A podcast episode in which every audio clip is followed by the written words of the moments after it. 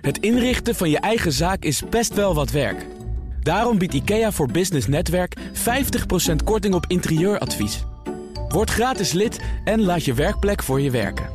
IKEA, een wereld aan ideeën. Werkverkenners wordt mede mogelijk gemaakt door NCOI en Prescan. Prescan, ga voor je gezondheid. Blijf scherp. BNR Nieuwsradio. Werkverkenners. De Jong. In deze BNR Werkverkenners onderzoeken we hoe belangrijk de recruiter in het hele wervingsproces is en welke skill hij of zij nodig heeft om zichzelf een beetje onmisbaar te maken. Verder hebben we werk voor een deep learning researcher die de wereld met AI een beetje veiliger wil maken. En ook nog eens een keertje een carrièrekantelaar met iemand die de IT en de consultancy uitkantelde en zich nu duurzaamheidsstrijder noemt. Nou, ben benieuwd wat ze nu allemaal doet. Maar nu eerst het BNR Werkverkenners nieuws. Werkverkenners. Met Nelleke van der Heijden. Dag Nelleke. Dag Rens. Er zijn weer cijfers over loonstijgingen van werkgeversvereniging ABVN. Vertel. Ja, het gaat nu over januari. De lonen stegen gemiddeld met 5,9 procent. Nou, nog steeds best hoog. Zeker als je naar de afgelopen decennia kijkt. Maar kijk je alleen maar naar het afgelopen half jaar, dan zie je dat die stijging wel langzaam maar zeker aan het afnemen is. En zeggen ze iets over die reden waarom die lonen minder hard stijgen? Ja, je denkt natuurlijk meteen afnemende inflatie. Ja. dat was in elk geval wel de reden waarom de lonendeelten zo fors uh, aan het stijgen waren. Nou, volgens de AWVN zijn ook de sombere vooruitzichten van invloed. We hadden vorige week ook al in ons nieuwsoverzicht over allerlei banen die maar overal werden geschrapt. Nou, de werkgeversvereniging ziet ook een uh, groeiend aantal reorganisaties en faillissementen. Dus dat Ja. kan ook meespelen. Goed, dan goed nieuws. Vrouwen gaan meer voltijds werken. Ja, ja. Nou, het gaat er altijd al over dat Nederland kampioen deeltijd is. En waarschijnlijk blijven we dat ook nog wel. Maar het aandeel vrouwen dat meer dan 35 uur werkt is gestegen. In 2013 wa- zaten we op 27,5 procent. En dat is nu 31,1 procent. Het is ook niet heel veel, hè? Ja, jeetje zeg. Nou, vlag mag uit. Ja, maar bij mannen wordt deze groep die meer dan 35 uur werkt juist kleiner. Dus Ah. zo blijven we toch weer die kampioen. Ja, maar wel, eh, we hebben dan wel meer verdeling, zeg maar. eh, De taken thuis. De taken thuis, ja. Eh, Oké, want die is van 75 naar 71 gegaan.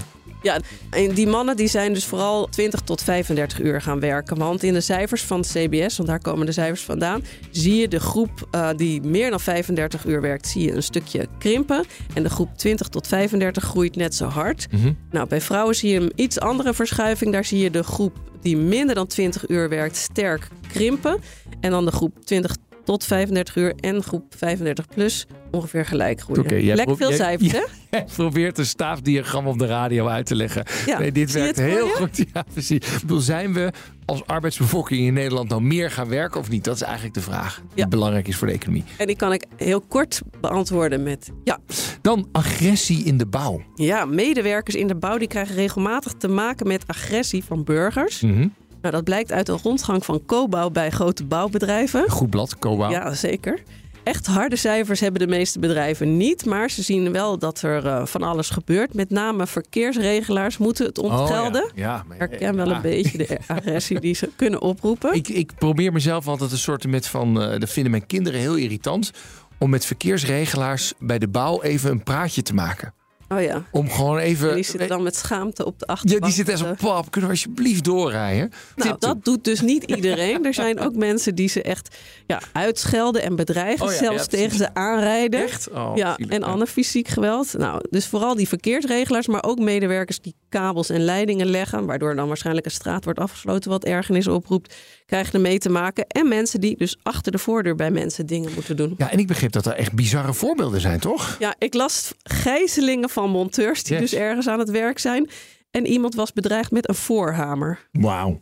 Nou, dit, nou, en daar lachen we dan om, maar dit is Maar gewoon is heel erg. ernstig, ja. ja. En wordt daar iets aan gedaan? Nu is daar een Nou idee ja, van. waar komt het eh, door, moet je dan ook weten. Nou, de bouwbedrijven denken dat het de verharding van de maatschappij in het algemeen is. Maar ze hebben ook een idee hoe het beter zou kunnen worden door duidelijk te communiceren. En dat zou ik bij mezelf in elk geval ook herkennen als ik weet wanneer een straat afgesloten is en hoe lang het duurt. Of wat er in mijn huis gaat gebeuren en hoe lang dat duurt. Ja, dan zou dat mij ook misschien wel iets kalmeren. iets Niet dat ik agressief ben ooit. Nee, jij, medewerker. jij niet. Goed, dan de baas presteert beter als die ook mede-eigenaar is. Vertel. Ja, Dat blijkt uit onderzoek. Als de CEO aandelen heeft, dan presteert het bedrijf beter. Nou, dan zou je zeggen, regel dat gewoon. Maar er zitten blijkbaar nog wel allerlei haken en ogen aan. Dus het leek me wel leuk om eens te kijken hoe je dat nou in de ideale situatie regelt. En daarvoor zouden we kunnen bellen met Riens Abma van Eumedion. En dat is de belangenbehartiger van de grote beleggers. Nou, dat is toevallig, want we hebben Riens gewoon aan de lijn. Dag Riens. Ja, goedemiddag. Herkennen jullie dat? Een bedrijf beter presteert als de baas aandelen heeft? Ja, in, in zijn algemeenheid wel. Hè. Onze leden, dat zijn eh, de grote pensioenfondsen en vermogensbeheerders... die uh, beleggen voor de lange termijn. Dus zij willen ook graag dat de ondernemingen waarin zij beleggen zich focussen op het uh, creëren van lange termijn waardecreatie. Mm -hmm. En als bestuurders uh, voor lange tijd een fors pakket aandelen houden, dan zitten die bestuurders en de institutionele beleggers eigenlijk in hetzelfde schuitje. Ja. De bestuurder wordt dus meer geprikkeld om goede lange termijn beslissingen te nemen in plaats van beslissingen die alleen effect hebben op de korte termijn, op korte termijn gewin maar die eigenlijk op lange termijn waarde vernietigend zijn. Dus over het algemeen vinden wij het heel goed als bestuurders een fors pakket aandelen in de eigen onderneming opbouwen. En moeten die bestuurders dat dan uh, zeg maar inkopen? He, dan zit je echt met skin in de game of uh, moet je die dan gratis krijgen? Nou, wat meestal gebeurt, hè, is dat vanuit het beloningsbeleid voor hun lange termijn bonus sowieso al prestatieaandelen worden toegekend. Dus dat zijn voorwaardelijke aandelen die worden toegekend aan de bestuurders. Uh -huh. Waar de bestuurders dan eerst over een langere termijn prestaties tegenover moeten zetten. Meestal is dat drie jaar. En aan de hand van die prestaties na drie jaar wordt gekeken hoeveel van die aandelen zij mogen aanhouden. Ja. Dus dat zorgt er al voor dat je na een goede prestatie een aantal aandelen toegekend krijgt. Gratis wel te verstaan, alleen er staat wel een prestatie tegenover. Ja. Die in ieder geval voor twee jaar moeten worden vastgehouden. Zo staat dat in de Corporate Governance Code. Mm -hmm. En daarbij komt dan nog een additionele eis dat je vaak vier of vijf keer het jaarsalaris ook in eigen aandelen moet bezitten. Dus da, al deze prikkels zorgen ervoor dat de bestuurder echt op lange termijn gaat denken. En dus ook uh, voor de beleggers lange termijn waarde creëert. Ja. En daar gaat het met name pensioenfondsen en vermogensbeheerders om. Ja. Het FD schreef erover, uh, iemand zei van je zou eigenlijk moeten zeggen... die aandelen moet je tenminste tien jaar vasthouden. Ja, nou is het wel zo dat sommige bestuurders niet tien jaar uh, bestuurder zijn. Hè? Dus wij zeggen je moet in ieder geval gedurende de hele periode dat je bestuurder bent... nou drie tot vier keer het jaarsalaris in eigen aandelen houden... Mm -hmm. En dan het liefst één tot twee jaar daarna dat je ook nog nou, minimaal een half tot een jaar salaris wel in die aandelen van de onderneming moet hebben belegd. Zodat je dus niet kort voor het aftreden van de bestuurder nog hele korte termijn beslissingen neemt die ja dus wellicht op langere termijn waardevernietigend zijn. Ja, ik vind het nog wel een beetje kort. Dus ik zou zeggen, hou dat ja. dan langer vast. Ja, kijk, uh, liever langer. Maar ja, je moet je ook een beetje verplaatsen in de persoon zelf. Hè, en, en wat onder het huidige recht is toegestaan. Want ja, ja. het is natuurlijk wel zijn eigen vermogen dat mm. hij heeft opgebouwd. Dus het is al uitzonderlijk dat je dan toch nog verplichtingen oplegt nadat hij al uit dienst is getreden okay. bij de vennootschap. Dus het is ook wel wat lastig om dat contractueel te regelen. Ja, ja. Mooi om er even van te horen in werkverkenners. Dankjewel, Riens Abma. Graag gedaan. Rens de Jong.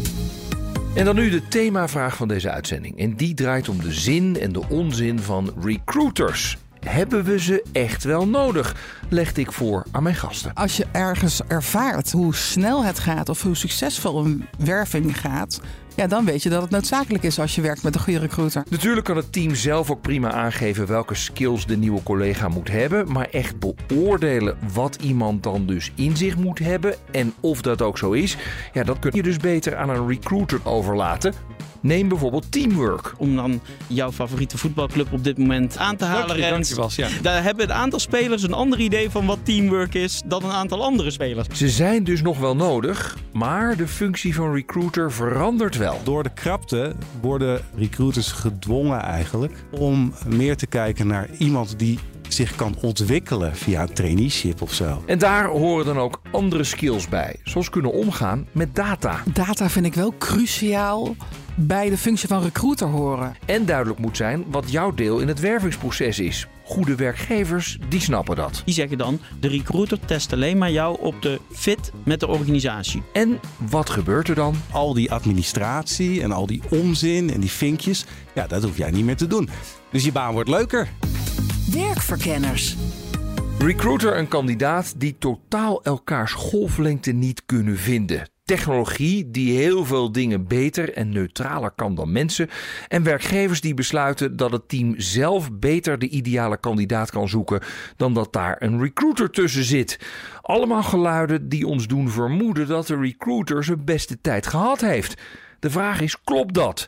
Of zien we het een en ander over het hoofd? Ik ben Dorien Waasdorp, interim HR-professional, maar vooral ook docent, trainer voor recruitment trainingen. Ah, is dat nodig? Dat is zeker nodig. Waarom? Ja, zeker. Nou, recruitment is een vak. Ja. En het is heel vaak een ondergeschoven kindje. Of het wordt bij de vacaturehouder van, joh, doe je het erbij? Of de HR-professional, doe jij het er even bij? Maar ik zeg, recruitment is een vak.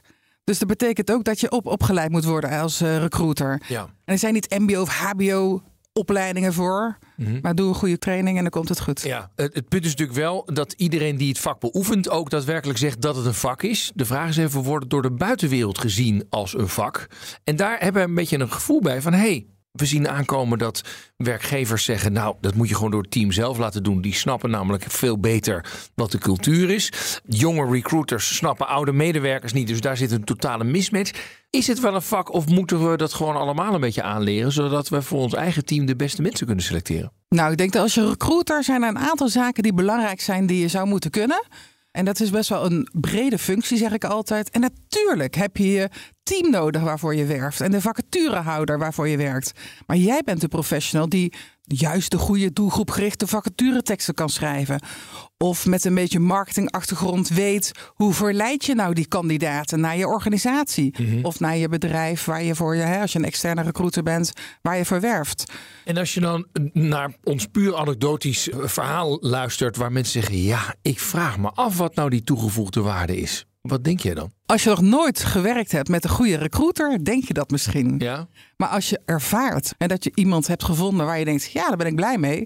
Ja, dan weet je dat het noodzakelijk is. Het is natuurlijk wel vaker zo. Hè? Als je een slechte ervaring hebt en je denkt, ja, dat had ik wel zelf ook gekund. Tuurlijk denk je dat, maar Ja. dat denk ik ook wel eens met andere dingen. Ja. Tuurlijk. Cruciaal is de samenwerken. Dus ga alsjeblieft ook heel erg de inhoud. Hè? Een stukje moet je het leren, maar laat dat ook bij het team. Dat is oké. Maar wat bedoel je dan met laat het bij het team? Hard skills. Team weet veel meer. Wat zoeken ze nou ja, echt? exact. Maar jij als recruiter kan eigenlijk wel zien, past iemand bij de cultuur? Dat kan je toch beter vaak als recruiter dan in team. En nu ga ik natuurlijk misschien wel mensen beledigen. Ja? Maar ik denk wel dat het, het overal plaatje ziet een recruiter toch, toch meer en beter dan misschien wel in de lijn zelf. Oh, dat vind ik heel grappig. Want dat was inderdaad het volgende punt. Hè? Eh, eh, Mensen zeggen, nou, dat kun je beter door je team laten doen. Want wij snappen veel beter de cultuur. In plaats van dat ze een recruiter dat snapt. Eh, Jij zegt, die kunnen beter vaak inschatten of iemand bij de cultuur past dan de lijnmanager De zelf. organisatiecultuur. Maar natuurlijk heb je ook een afdelingscultuur of een teamcultuur. Ja. Hè? Tuurlijk kan je dat als team beter. Maar echt de organisatiecultuur, de kernwaarden. Waar willen we naartoe als organisatie? Misschien wel die strategische verandering die we met z'n allen willen. Ja. Kijk, misschien wel gek om te zeggen, maar een afdeling wil niet zo vaak veranderen. En natuurlijk zeggen we met z'n allen van wel, maar als je weet wat de strategische keuze van de organisatie is, gaat ook recruitment daarin gekend worden. Van daar willen we naartoe. Dat betekent dat we misschien wel een ander soort mensen moeten aannemen. En als je afdeling, die houdt het heel graag bij. Ja, dan, dan huur je wat je hebt en dan krijg je wat je kreeg. Het is misschien wel negatief gezegd, maar vaak in de praktijk zie ik dat wel. Ja, ja. Dus je moet als recruiter ook veel breder kijken dan alleen het profiel zelf. Ja. Waar zit die potentie van die kandidaat? Zie je die rol veranderen van recruiter in de afgelopen tijd? Ja, zeker. Ja, waar Eh, verandert die? Nou ja, je ziet eigenlijk van de ouderwetse kaartenbak. Overigens heb ik daar ook gelukkig niet mee gewerkt. Maar wel met het systeem. Maar dat is Ja. natuurlijk wat de ouderen onder ons zeggen. De kaartenbak. En waar je alleen maar aan het netwerken bent. En nu ben je toch ook wel heel veel online bezig. Hè, die wordt veel meer een marketeer als recruiter. Ik denk dat AI ook bezig is met hè, de grote opkomst. Ja, je hoeft niet altijd zelf na te denken over een vacaturetekst. Maak je gebruik van AI, ja, dan kunnen er echt wel mooiere teksten of mooiere zinnen. Hè, als recruiter kan je niet elke dag de fantastische teksten schrijven. Daar moet je ook een beetje zin in hebben en een beetje de dag voor hebben. Nou, dat helpt wel. En waar zit dan de echte toegevoegde waarde van de recruiter? Als er dus een aantal taken door AI worden overgenomen, waar zeg jij, ja, daar zit echt de kern en daarom moet je er altijd wel eentje bij Ja, hebben? het verleiden van de kandidaat Ja? is cruciaal. En is dat, kan een recruiter dat zoveel beter dan een lijnmanager? Nou, dat wil ik niet zeggen. Dat wil ik niet zeggen. Nee, Kijk, dus de maar- lijnmanager. Maar is de vraag, wat is dan de kern? Want als dat, als dat dus niet het beter is dan de lijnmanager, dan is even de vraag, wat is de toegevoegde waarde? Ja, ik denk dat de recruiter het overal proces meer ziet. Overal cultuur, overal proces. De lijnmanager ziet waar hij naartoe wil met zijn team. Ja. ja, en het is natuurlijk ook wel dedicated, hè? Ik denk dat dat wel een groot verschil is. Dat, eh, de, de recruiter heeft gewoon als taak mensen binnenhalen. Goede Ja. mensen binnenhalen. En een Ja. lijnmanager moet de fabriek ook nog draaiende houden. Om even zo te Ja, maar die wil ook wel de juiste mensen. Hè? Oh ja, Want die wil een schaap met eh 7, 8, 9 poten. Ja, ja, en als precies. recruiter moet je dat gesprek aangaan. Ik heb, ik heb een schaap met vier poten. Het is best oké. en die drie Ja. gaan, we, gaan we op een andere manier gaan we die eh, verzorgen. Is, is dat dan inderdaad, is het dan die, juist die tandem tussen de lijnmanager en de recruiter die het echt waardevol maakt? Die twee dan?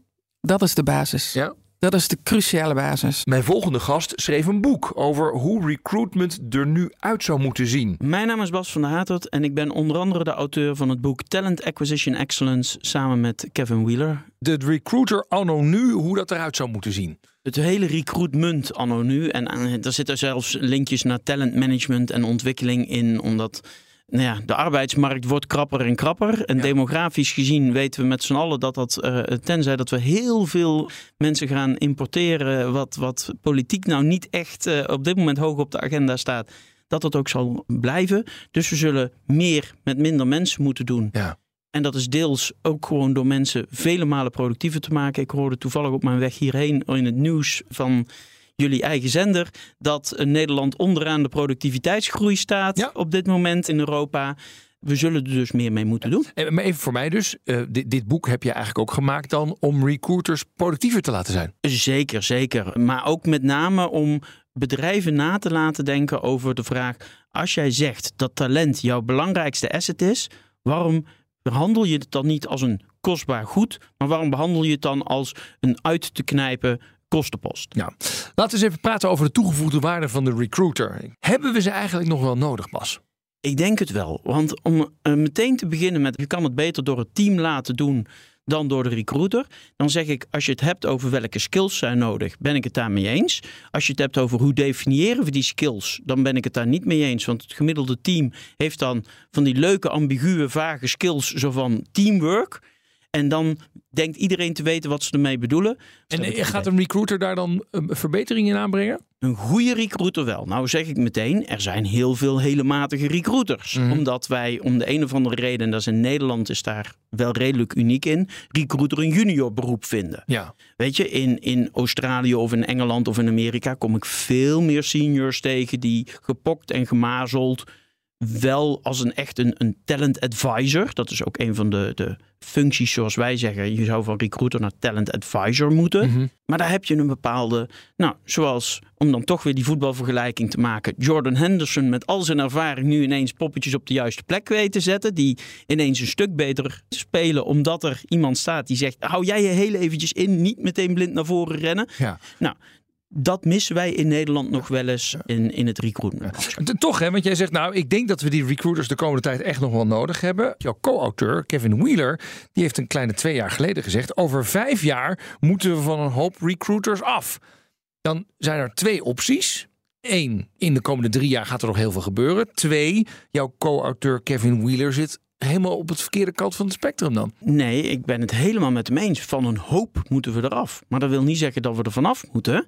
Ja, ik zeg, er zijn er een heleboel heel matig in hun werk. Ah, Er zijn er een heleboel mensen die werk doen wat je eigenlijk al niet zou moeten doen. Een groot deel van, ik zat een tijdje geleden bij een organisatie, daar hadden ze dan, ze noemen dat dan recruitment ondersteuners. Hè. We nemen recruitment als het beroep breed.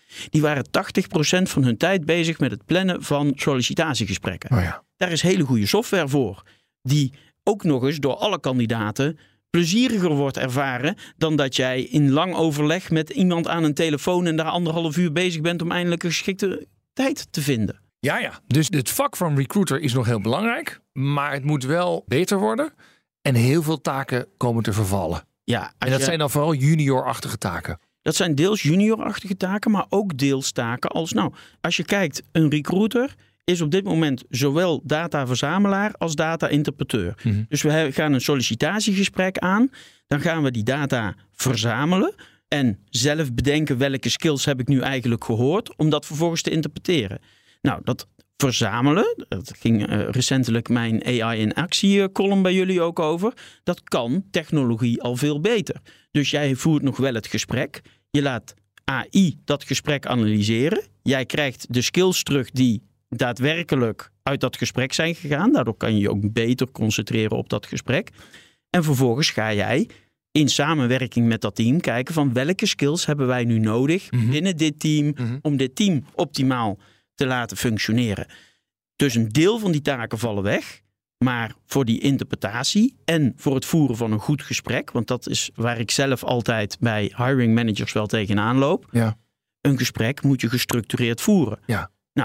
Ook En daar heb je die recruiter voor nodig, voor dat, voor dat gestructureerde gesprek. een goede recruiter is in staat om een gestructureerd gesprek te voeren. Ja. Maar ook van tevoren een discussie aan te gaan over welke skills gaan we bijvoorbeeld uitvragen. Ja. En hoe gaan we deze uitvragen. Gek hè, met dat gestructureerde gesprek, dat vind ik zo grappig. Waar computers juist heel goed in zijn, is juist heel gestructureerde dingen doen. En daar niet van afwijken. Nou zeggen we tegen de recruiters, ga nou niet zomaar gesprek voeren en kijken of er een klik is. Maar doe dat gestructureerd. En zeg, ja, dat moet de recruiter zelf doen. Terwijl, ik wil bijna jou echoen, dat zou dan de machine nog veel beter kunnen. En waarschijnlijk kan een machine dat ook beter. Ja, Alleen dat vinden we kandidaten heel erg onmenselijk. Dus dan kom je op het stuk. maar ik heb Is wel dit een hele nou- dunne baan heb je dan eigenlijk. Het, eh, ja, nee, maar je hebt helemaal gelijk. Dat er zijn overigens in Zweden is er een robot genaamd Tengai. Die dus als robothoofd al gesprekken voert. Ja, maar dan zou het zomaar kunnen. Als ik hou af en toe wel eens eh, gesprekjes met ChatGPT als ik me verveel onderweg in de auto. Nou, dat zijn best grappige gesprekjes. Het is een beetje leger, maar het kan al wel. Nou, vijf jaar vooruit, of drie jaar vooruit, zoals jouw collega zegt. Ja, dan vraag ik me af of we die recruiter echt nog voor dat gestructureerde gesprek nodig hebben. Voor het gesprek misschien ook niet meer. Nee. Daar ben ik het mee eens. Dat is op dit moment nog het stukje candidate experience. Maar voor het interpreteren van die gegevens die daaruit gaan komen, Ja. daar hoop ik voorlopig, en dat blijkt ook wel, want anders krijg je eenheidsworst. En laten we eerlijk zijn, met 11 Jordan Henderson scoor je nooit een goal. en met 11 Lionel Messi's krijg je er 100 tegen. Daar schiet niet op. Nee. En dat is iets waar AI heel slecht in is om. Daar moeten we wachten. Even, dat staat ook in het boek op quantum computing. Dan gaan we ook met teamsamenstellingen. Maar daar zijn we nog lang niet. Maar daar zijn we nog in de komende 25 jaar niet. En mijn laatste gast ontwikkelt technologie die in ieder geval een gedeelte van het werk van de recruiter kan overnemen. Mijn naam is Andries van der Leij. Ik ben medeoprichter van Brains First. En eh, Brains First is zo'n technologieaanbieder die het leven van een recruiter een stuk makkelijker maakt. En wat doen jullie dan precies? Nou, wij zijn begonnen vanuit de cognitieve neurowetenschappen. En wat we eigenlijk proberen te doen is heel nauwkeurig in kaart brengen wat het natuurlijke talent is van een kandidaat. Door eh, ze games te laten doen. En die inzichten worden vervolgens door een recruiter vertaald naar inschattingen of een kandidaat geschikt is voor een bepaalde functie. Oké, en wat voor spelletjes, games zijn dat dan? Nou, eigenlijk moet je eh, voorstellen dat het een beetje lijkt op computerspelletjes uit de tijd dat ik jong was. Een beetje Atari, zeg maar. Oké. Dus dat is heel simpel te doen. Maar wat wij meten zijn zaken als reactietijd, werkgeheugen, of je goed kan voorspellen. Eigenlijk de basis van wat in eh, de cognitieve psy- psychologie de executieve functies genoemd worden. Mhm. Dat is eigenlijk een beetje hoe je eh, de specifieke stijlen en de capaciteit waarin je informatie verwerkt, beslissingen neemt, plant en dat soort zaken. Ja, spannend allemaal. En, en als ik het plat mag slaan, lijkt het wel op een soort digitaal assessment. Of, of, of, of doe ik je Ja, zo worden, we, zo worden we ook gebruikt. We zijn eigenlijk begonnen in business. We zijn eigenlijk begonnen in voetbal. Maar toen we de stap maakten naar het bedrijfsleven, toen zijn we als pre-assessment eigenlijk proberen om een soort voorschrifting te maken van kandidaten. Zo zijn we begonnen. Inmiddels worden we veel meer gebruikt in verschillende contexten. Ja. Als we het nou hebben over het vak van recruiter, hebben we die nog wel nodig? Nou, wij denken eigenlijk dat de aard van het werk van een recruiter vooral heel erg verandert. En dat heeft, wij spelen daar een actieve rol in mee, want wij zeggen vooral gebruik onze tools. Mhm. Dan ontlasten we je en dan haal je een hoop bias eruit. En je komt tot inzichten die je niet zo makkelijk kan maken op basis van de informatie die je al hebt. Zoals cv's, et cetera. Ja. Maar de aard verandert nog meer omdat de aard van de functie steeds minder duidelijk is. Vaak zijn mensen op zoek naar ja, wat ze noemen een soort van. Vroeger noemde je dat een schaap met vijf poten. Tegenwoordig noem je dat dan T-shaped. Oh ja. Mensen die van alles kunnen eigenlijk. Maar ja, hoe meet je dat? Ja. Dus je moet als recruiter kijken naar ontwikkelpotentieel. Je moet kijken naar sowieso eh, de, de, de, de skills die iemand heeft. Ja. En of dat wel past bij de baan die super vaag is. Ja, dus, ja exact. Dus eigenlijk worden, wordt, wordt een recruiter meer een soort talent broker. Die tussen kandidaat en eh, organisatie in gaat staan. Om te kijken of ze wat voor elkaar zijn. Ja. En hoe dan. Ja. Dus eigenlijk wordt het, de baan eigenlijk ingewikkelder. Dus alles wat niet weg te automatiseren is. Dat is dus ook echt best wel ingewikkeld. Ja. Managers, ondernemers die zeggen: God, weet je, al die recruiters. Soms raak je ook heel erg in lost in translation, om het even in goed Nederlands te zeggen. Kan de afdeling dit niet gewoon lekker zelf doen? Wij weten precies wat we nodig hebben. Die recruiter, let's cut it out. Ja, dat zou in- voor sommige functies ook echt zo zijn. Ik ken uit mijn eigen ervaring dat als je bijvoorbeeld een technisch persoon zoekt, een programmeur of zo, Ja. Dat je liever die laat praten direct met de andere programmeurs, dan dat je een recruiter gaat opleiden om hele technische vragen te stellen. Voor bepaalde zaken eh, kan de vraag het beste gesteld en ook geïnterpreteerd worden door de persoon, zeker als het om technische zaken gaat, Mhm. die daadwerkelijk ook het antwoord kan begrijpen. Ja. Anders moet je iemand eigenlijk souffleren en meeluisteren om ook nog te kijken, is het antwoord wel goed? Dat is een beetje overkill Maar natuurlijk. dat, dat is soms ook wel de kritiek op recruiters natuurlijk. Die Ja, je zit er alleen maar hinderlijk tussen. Gedeeltelijk is dat waar, maar zeker bij zaken die technisch ook, waar, waarbij je dus ook een goed en een fout hebt. Mhm. Dan zou meteen mijn vervolgopmerking zijn, voor veel van dat soort functies zou je misschien ook wel een test kunnen doen. Niet per se alleen maar brains first, maar een programmeertest of zo. Mhm. Want daar is ook een goed of fout mogelijk. Maar wat, dus vaker, wat je nu vaker ziet bij grote organisaties, is dat eh, je een kandidaat hebt waar misschien wel wat in zit, die dan misschien niet per se past bij het profiel waar de persoon voor gesolliciteerd heeft. Ja. En een goede recruiter, die, kijkt, die kan dan ook eh, een beetje rondshoppen intern. Is er misschien iets anders? Ja. Is er, en dan kom je vaker op het terrein van ja, atypisch talent.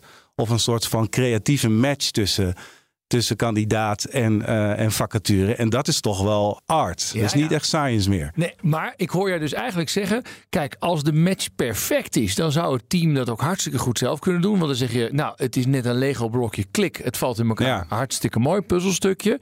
Maar als het niet past, dan kan het team daar niet zoveel mee. En de recruiter zou er wel heel veel mee Die, kunnen. die zou, ja, maar die moet dus ook echt gaan denken. Ik ben niet meer een, een hokjesvinker. Ja, Maar een persoon die eigenlijk op creatieve manier tussen kandidaten en allerlei vacatures gaat zitten. En dan kijken, is hier een match mogelijk? ja. Waarbij die dan niet alleen denkt aan de organisatie, maar ook juist aan die kandidaat zelf. Ja. Want ook die relatie die wordt wat horizontaler, zeg maar. Zeker als je kijkt naar juniors, die hebben daar behoefte aan.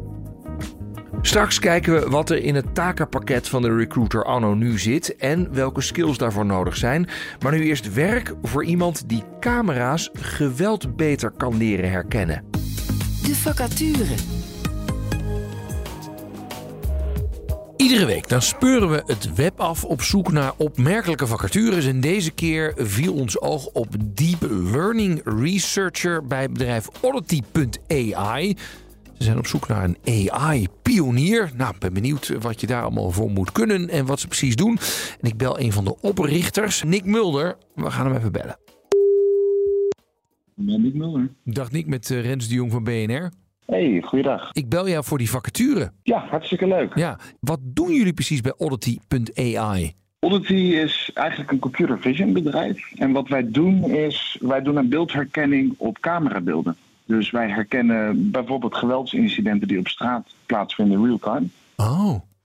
En wat voor klanten heb je dan? Ja, dan kun je vooral denken aan politieklanten, gevangenissen, TBS-instellingen, heel veel gemeenten, openbaar vervoermaatschappijen. Eigenlijk elke partij die cameratoezicht gebruikt, eh, nou ja, kunnen wij ook eh, opwerken. Ja, ja, dus het zijn van die CCTV-camera's, zeg maar. En daar leggen jullie dan een algoritmische laag overheen die zegt: hey, hier komt een vechtpartij aan of er komt iets aan. Moet ik het zo zien? Ja, klopt inderdaad helemaal. Ja. En kun je het, boel, eh, het blote oog kan dat ook detecteren? Wat kunnen jullie dan sneller of beter? Dat is inderdaad waar, maar bij deze klanten die ik net noemde, dan zie je toch wel snel dat je het over honderden, soms wel duizenden camera's hebt. En een mens is toch net iets minder goed in 24-7 zo'n beeld te analyseren. Terwijl software en computers zijn er hartstikke goed in. Dus die kunnen dat moeiteloos. En je hebt al echt al betalende klanten die dit eh, inzetten? Ja, ja, onze eerste klant uh, die draait al vier jaar heel succesvol. Oké, en dat kan privacy technisch ook allemaal? Want ik kan me voorstellen dat dat, dat wel wat concerns geeft. Ja, dat is, dat is een hele terechte vraag. Nee, wat we zien is, uh, bij ons is het volledig anoniem. Dus wij doen niet aan gezichtsherkenning. Wij kunnen geen personen identificeren. Het is echt, het kijkt naar het gedrag. En als er geweld voorkomt, dan geven wij daar een signaal over. Ja, een alarm gaat af en dan moeten we iets doen. Oké, jullie zoeken een deep learning researcher. Wat moet er gedeep learned worden? Ja, eigenlijk ben je dan heel erg betrokken bij het onderzoek en de ontwikkeling van dit soort algoritmes. En nou, in ons geval dus specifiek voor, uh, voor beeldherkenning. En dan ben je met name bezig om dit uh, te verbeteren. Dus daarvoor moet je ook echt op de hoogte zijn van de nieuwste ontwikkelingen. Maar deze krijg je wel. Je krijgt ook meteen de kans om die toe te passen in de praktijk. Ja, want ik kan me zo voorstellen, tenminste, als je het algoritme wil leren om geweld te herkennen, dan heb je gewone video's waar mensen aan het wandelen zijn en uh, video's waar mensen aan het vechten zijn. En dan probeer je hem een soort van het, het, algoritme te leren van nou jongens, zo herken je het, toch zoiets? Ja, de computer die moet inderdaad zelf het onderscheid leren tussen een normale situatie. En dat zijn inderdaad gevallen dat mensen gewoon over straat lopen, knuffelen, dansen, alles wat oh, ja, natuurlijk, ja, dansen. Voor, ja, dat gebeurt heel veel in horecagebieden natuurlijk oh, ja. ook. En het onderscheid moet dan gemaakt worden met een geweldsincident, hoe dat eruit ziet. En dat, uh, daar draait het om voor ja. ons. Maar dat hebben jullie al, dus, dus wat, wat gaat deze persoon dan meer doen? Er zijn eigenlijk altijd verbeteringen natuurlijk door te voeren. Je kan uh, verbeteringen maken door nog meer geweld te herkennen. Uh, je kan verbeteringen maken door minder valse meldingen eigenlijk te produceren.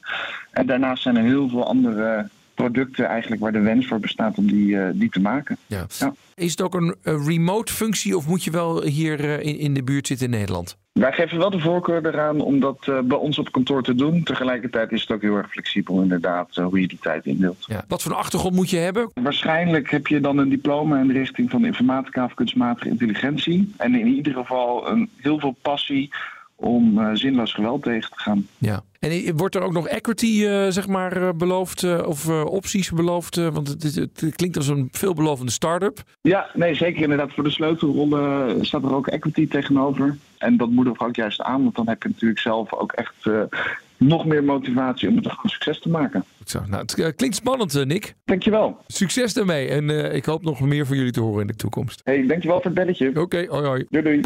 Rens de Jong. Nou, spannende baan. Met ook nog eens een keertje equity in je secundaire arbeidsvoorwaarden. Dat klinkt goed. Terug naar de recruiters. We hoorden eerder dat ze zeker nodig blijven, maar dat hun werk wel verandert.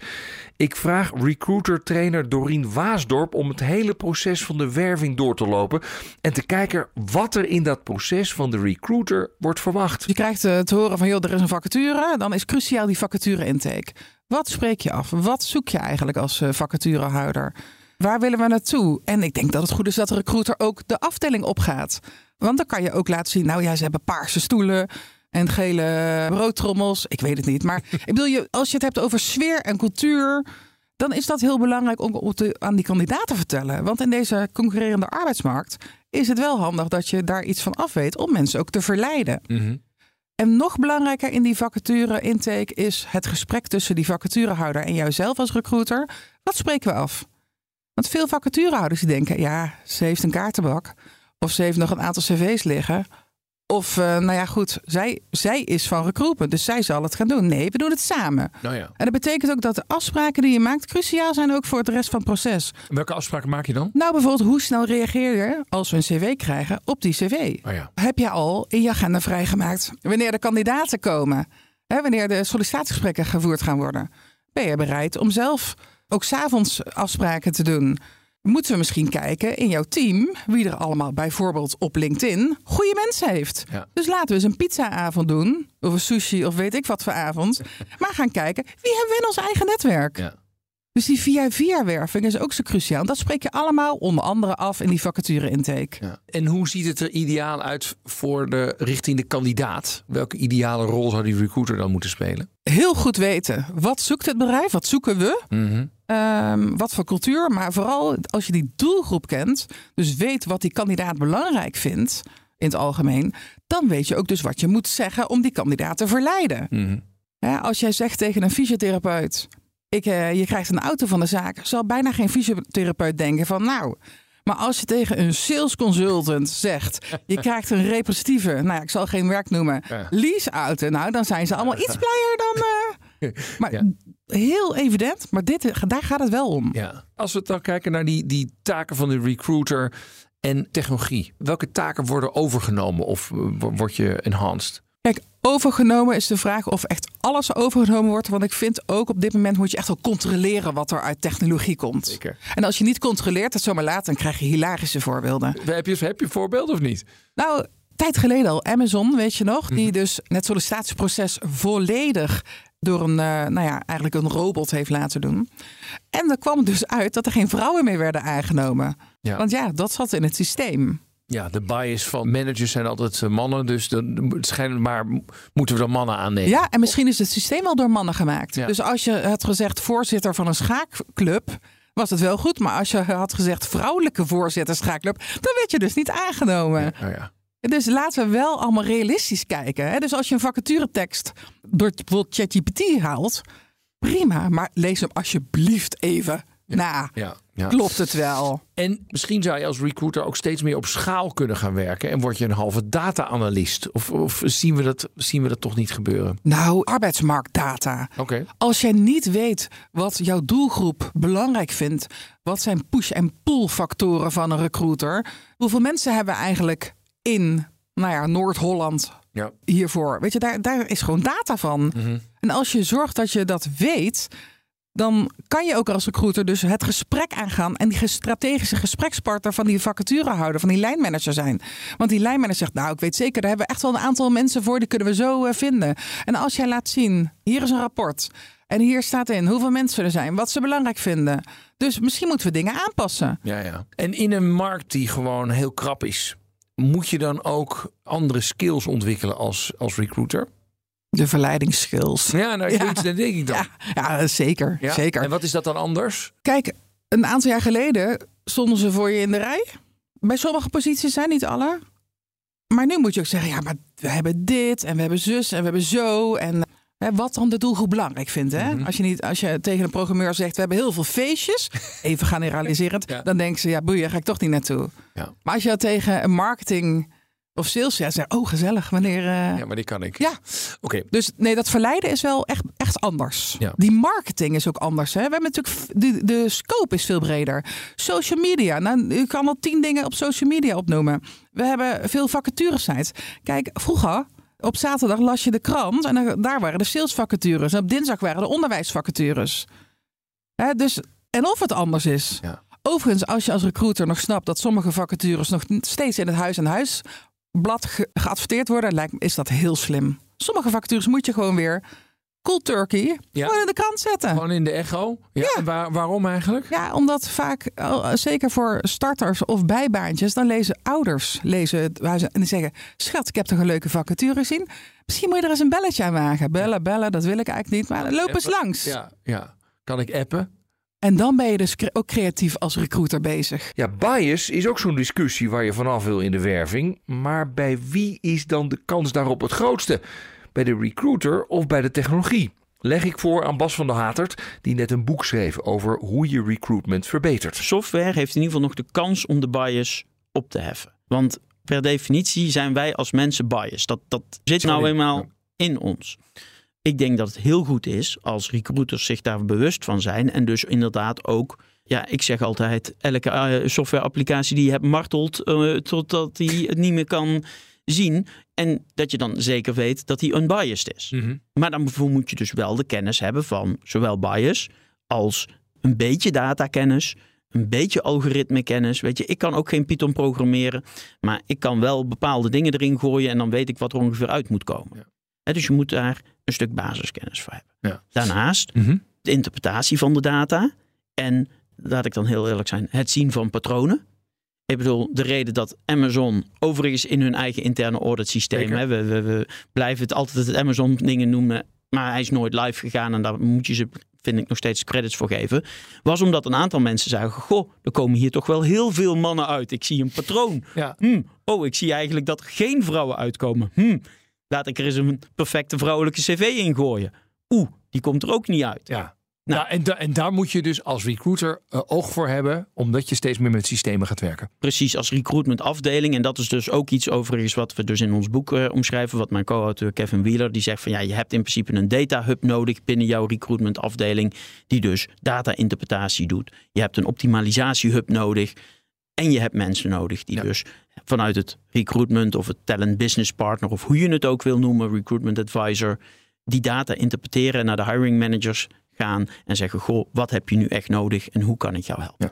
Laten we het hele hiringproces even doornemen. Dat is best veel misschien, maar wie heeft er dan een rol? Beginnen we met, eh, is het dan de vacature? Nee, dat is al een stapje ervoor, denk ik. Hè? Dus Vacature intake. Vacature intake. Dat is tussen de recruiter en de hiring manager. Ja. Dan hebben we, gaan we de vacature schrijven. Dat is wat mij betreft primair technologie met een overview van de hiring manager en de recruiter. Dan gaan we de vacature uitzetten. Dat is puur technologie. En wie bedient die technologie? Wat mij betreft moet een goede technologie zijn aangeschaft door de afdeling recruitment. Maar eh, blijf je met je tengels van de technologie ja. Oké, goed. Dan eh, afspraken inplannen. Technologie. Dan de eerste afspraak. Dat ligt een beetje aan je organisatie, hoe je die hebt ingericht. Ik bedoel, bij een retailorganisatie is dat vaak gewoon de, de bedrijfsleider, de hiring manager. Ik heb op universiteiten gewerkt, daar was het altijd de hoogleraar. Bij heel veel bedrijven is dat vaak een combinatie van de recruiter met de hiring manager. Ja. Beslissen, gaan we door met deze kandidaat of niet? Dat ligt nu altijd bij de hiring manager. Wederom ligt dat eraan. Ik ken organisaties die, met name grappig genoeg de Vlaamse overheid, die zegt wij doen als eerste alleen met de selectieverantwoordelijke. Die checken iedereen ook met gevalideerde testen of je aan het minimumniveau voldoet. Ja. En wij bepalen dus wie de hiring manager mag kiezen. Maar daarmee halen we dus het aantal mishires, willen ze daar tot nul reduceren. Ah, oké. Dan de onderhandelingen. Ja, dat is de kandidaat eh, met, met waarschijnlijk de hiring manager, waarbij eh, meestal HR op de achtergrond zegt: dit is echt de limiet waar we kunnen gaan. Ja, precies. En dan eh, gaan we onboarden, et cetera. Dat is nog een van de meest ingewikkelde processen, want dat ligt, is nu nergens bediend. Als het aan mij ligt, is dat een stukje technologie waar de hiring manager bij zit en de recruiter ervoor zorgt dat de hiring manager zich aan zijn afspraken. Ja. En dan follow-up na een maand of drie. Wat mij betreft zou dat bij een recruitment afdeling moeten liggen. Ook om het algoritme aan de achterkant te vinden met eh, nieuwe data. Ik zou willen dat het überhaupt gebeurt. Is dit nu waar we nu de recruiter neerzetten in dit volgordetje? Wordt dat nou meer of minder werk? Minder en belangrijker werk. Hmm. Kun je dat nog in een paar zinnen uitleggen? Ik denk dat heel veel zaken door de technologie kunnen en zouden moeten worden overgenomen. Ik denk wel dat het interpreteren van data en dus daadwerkelijk komen tot de beste match, dat daar voorlopig nog het maken van de echte keuzes, dat daar de mens essentieel voorlopig nog in is. In ieder geval nog minimaal vijf jaar, tien jaar misschien wel.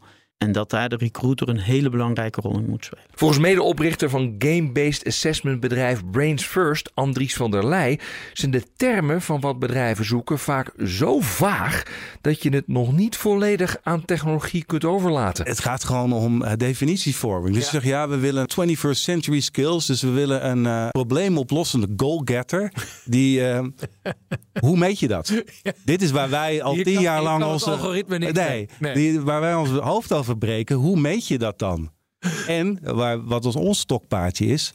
Wat betekent dat in een bepaalde context? Ja. De, een developer in een start-up is niet hetzelfde als een developer bij een grote corporate. Nee. Problemen oplossen als makelaar is iets anders dan voor een, een softwareontwikkelaar of een helpdesk-medewerker. En een recruiter kan iets meer met dat soort vage omschrijvingen dat nog wel in context plaatsen. Ik heb het vermoeden, maar ik werk er al. Eigenlijk is het onze eindgebruiker. En ik durf niet te stellen dat ik ze echt begrijp nog. Dat veel recruiters uiteindelijk dat werk zijn gaan doen. Omdat ze de mens, het menselijke, Ja. het echt proberen om in context te begrijpen wat gedrag, want dat is werk, hè, dingen Ja. doen, Ja. eh, zou moeten betekenen. Dat ze daartoe gedreven zijn. En ik denk, ga dat dan vooral heel erg doen. En gebruik die tools gewoon als hulpmiddelen. Ja. Om dat wat jij goed doet, gewoon beter te doen. Ja, dus k- kortom, tools eh, kunnen een recruiter een stuk beter maken. Betekent het dan ook bijvoorbeeld, zit ik te denken, eh, zo'n recruiter gaat zo'n gesprek in. Ik heb altijd geleerd in deze vele uitzendingen van werkverkenners, dat moet je eigenlijk een heel gestructureerd gesprek laten zijn. Ben jij daar dan ook voor? Absoluut. Het eerste wat je moet doen is wel, eh, het interview is de arena van de recruiter. Eh, Daar zit de meerwaarde. Of het terecht is dat een interview altijd evenveel waarde heeft, dat is niet zo. Sterker nog, er zijn, er is data, onder andere van Google, dat als je voor bepaalde rollen, als je het interview overslaat, dat de voorspellende kracht op bijvoorbeeld productiviteit toeneemt. Mhm. Dus dat is een vrij ernstige conclusie. Je kan beter niet interviewen, want dan neem je betere mensen aan. Op, maar basis dan van het cv of, eh, of op basis van wat? Op eh, nou, op basis van, van competentietesten of assessments of cv of wat dan ook. Dat komt omdat ze op dingen letten of dingen belangrijk vinden of er uitleggen, al dan niet bewust. Daar is heel veel gedoe over natuurlijk. Die ofwel niet samenhangen met eh, wat je wil, productiviteit bijvoorbeeld, of er zelfs tegen ingaan. Bijvoorbeeld technische mensen die dan heel erg weet je, assessed worden op in een interview of ze sociaal gemakkelijk zijn. Ja. Dat zijn in extreme sens eigenlijk negatief correlerende zaken.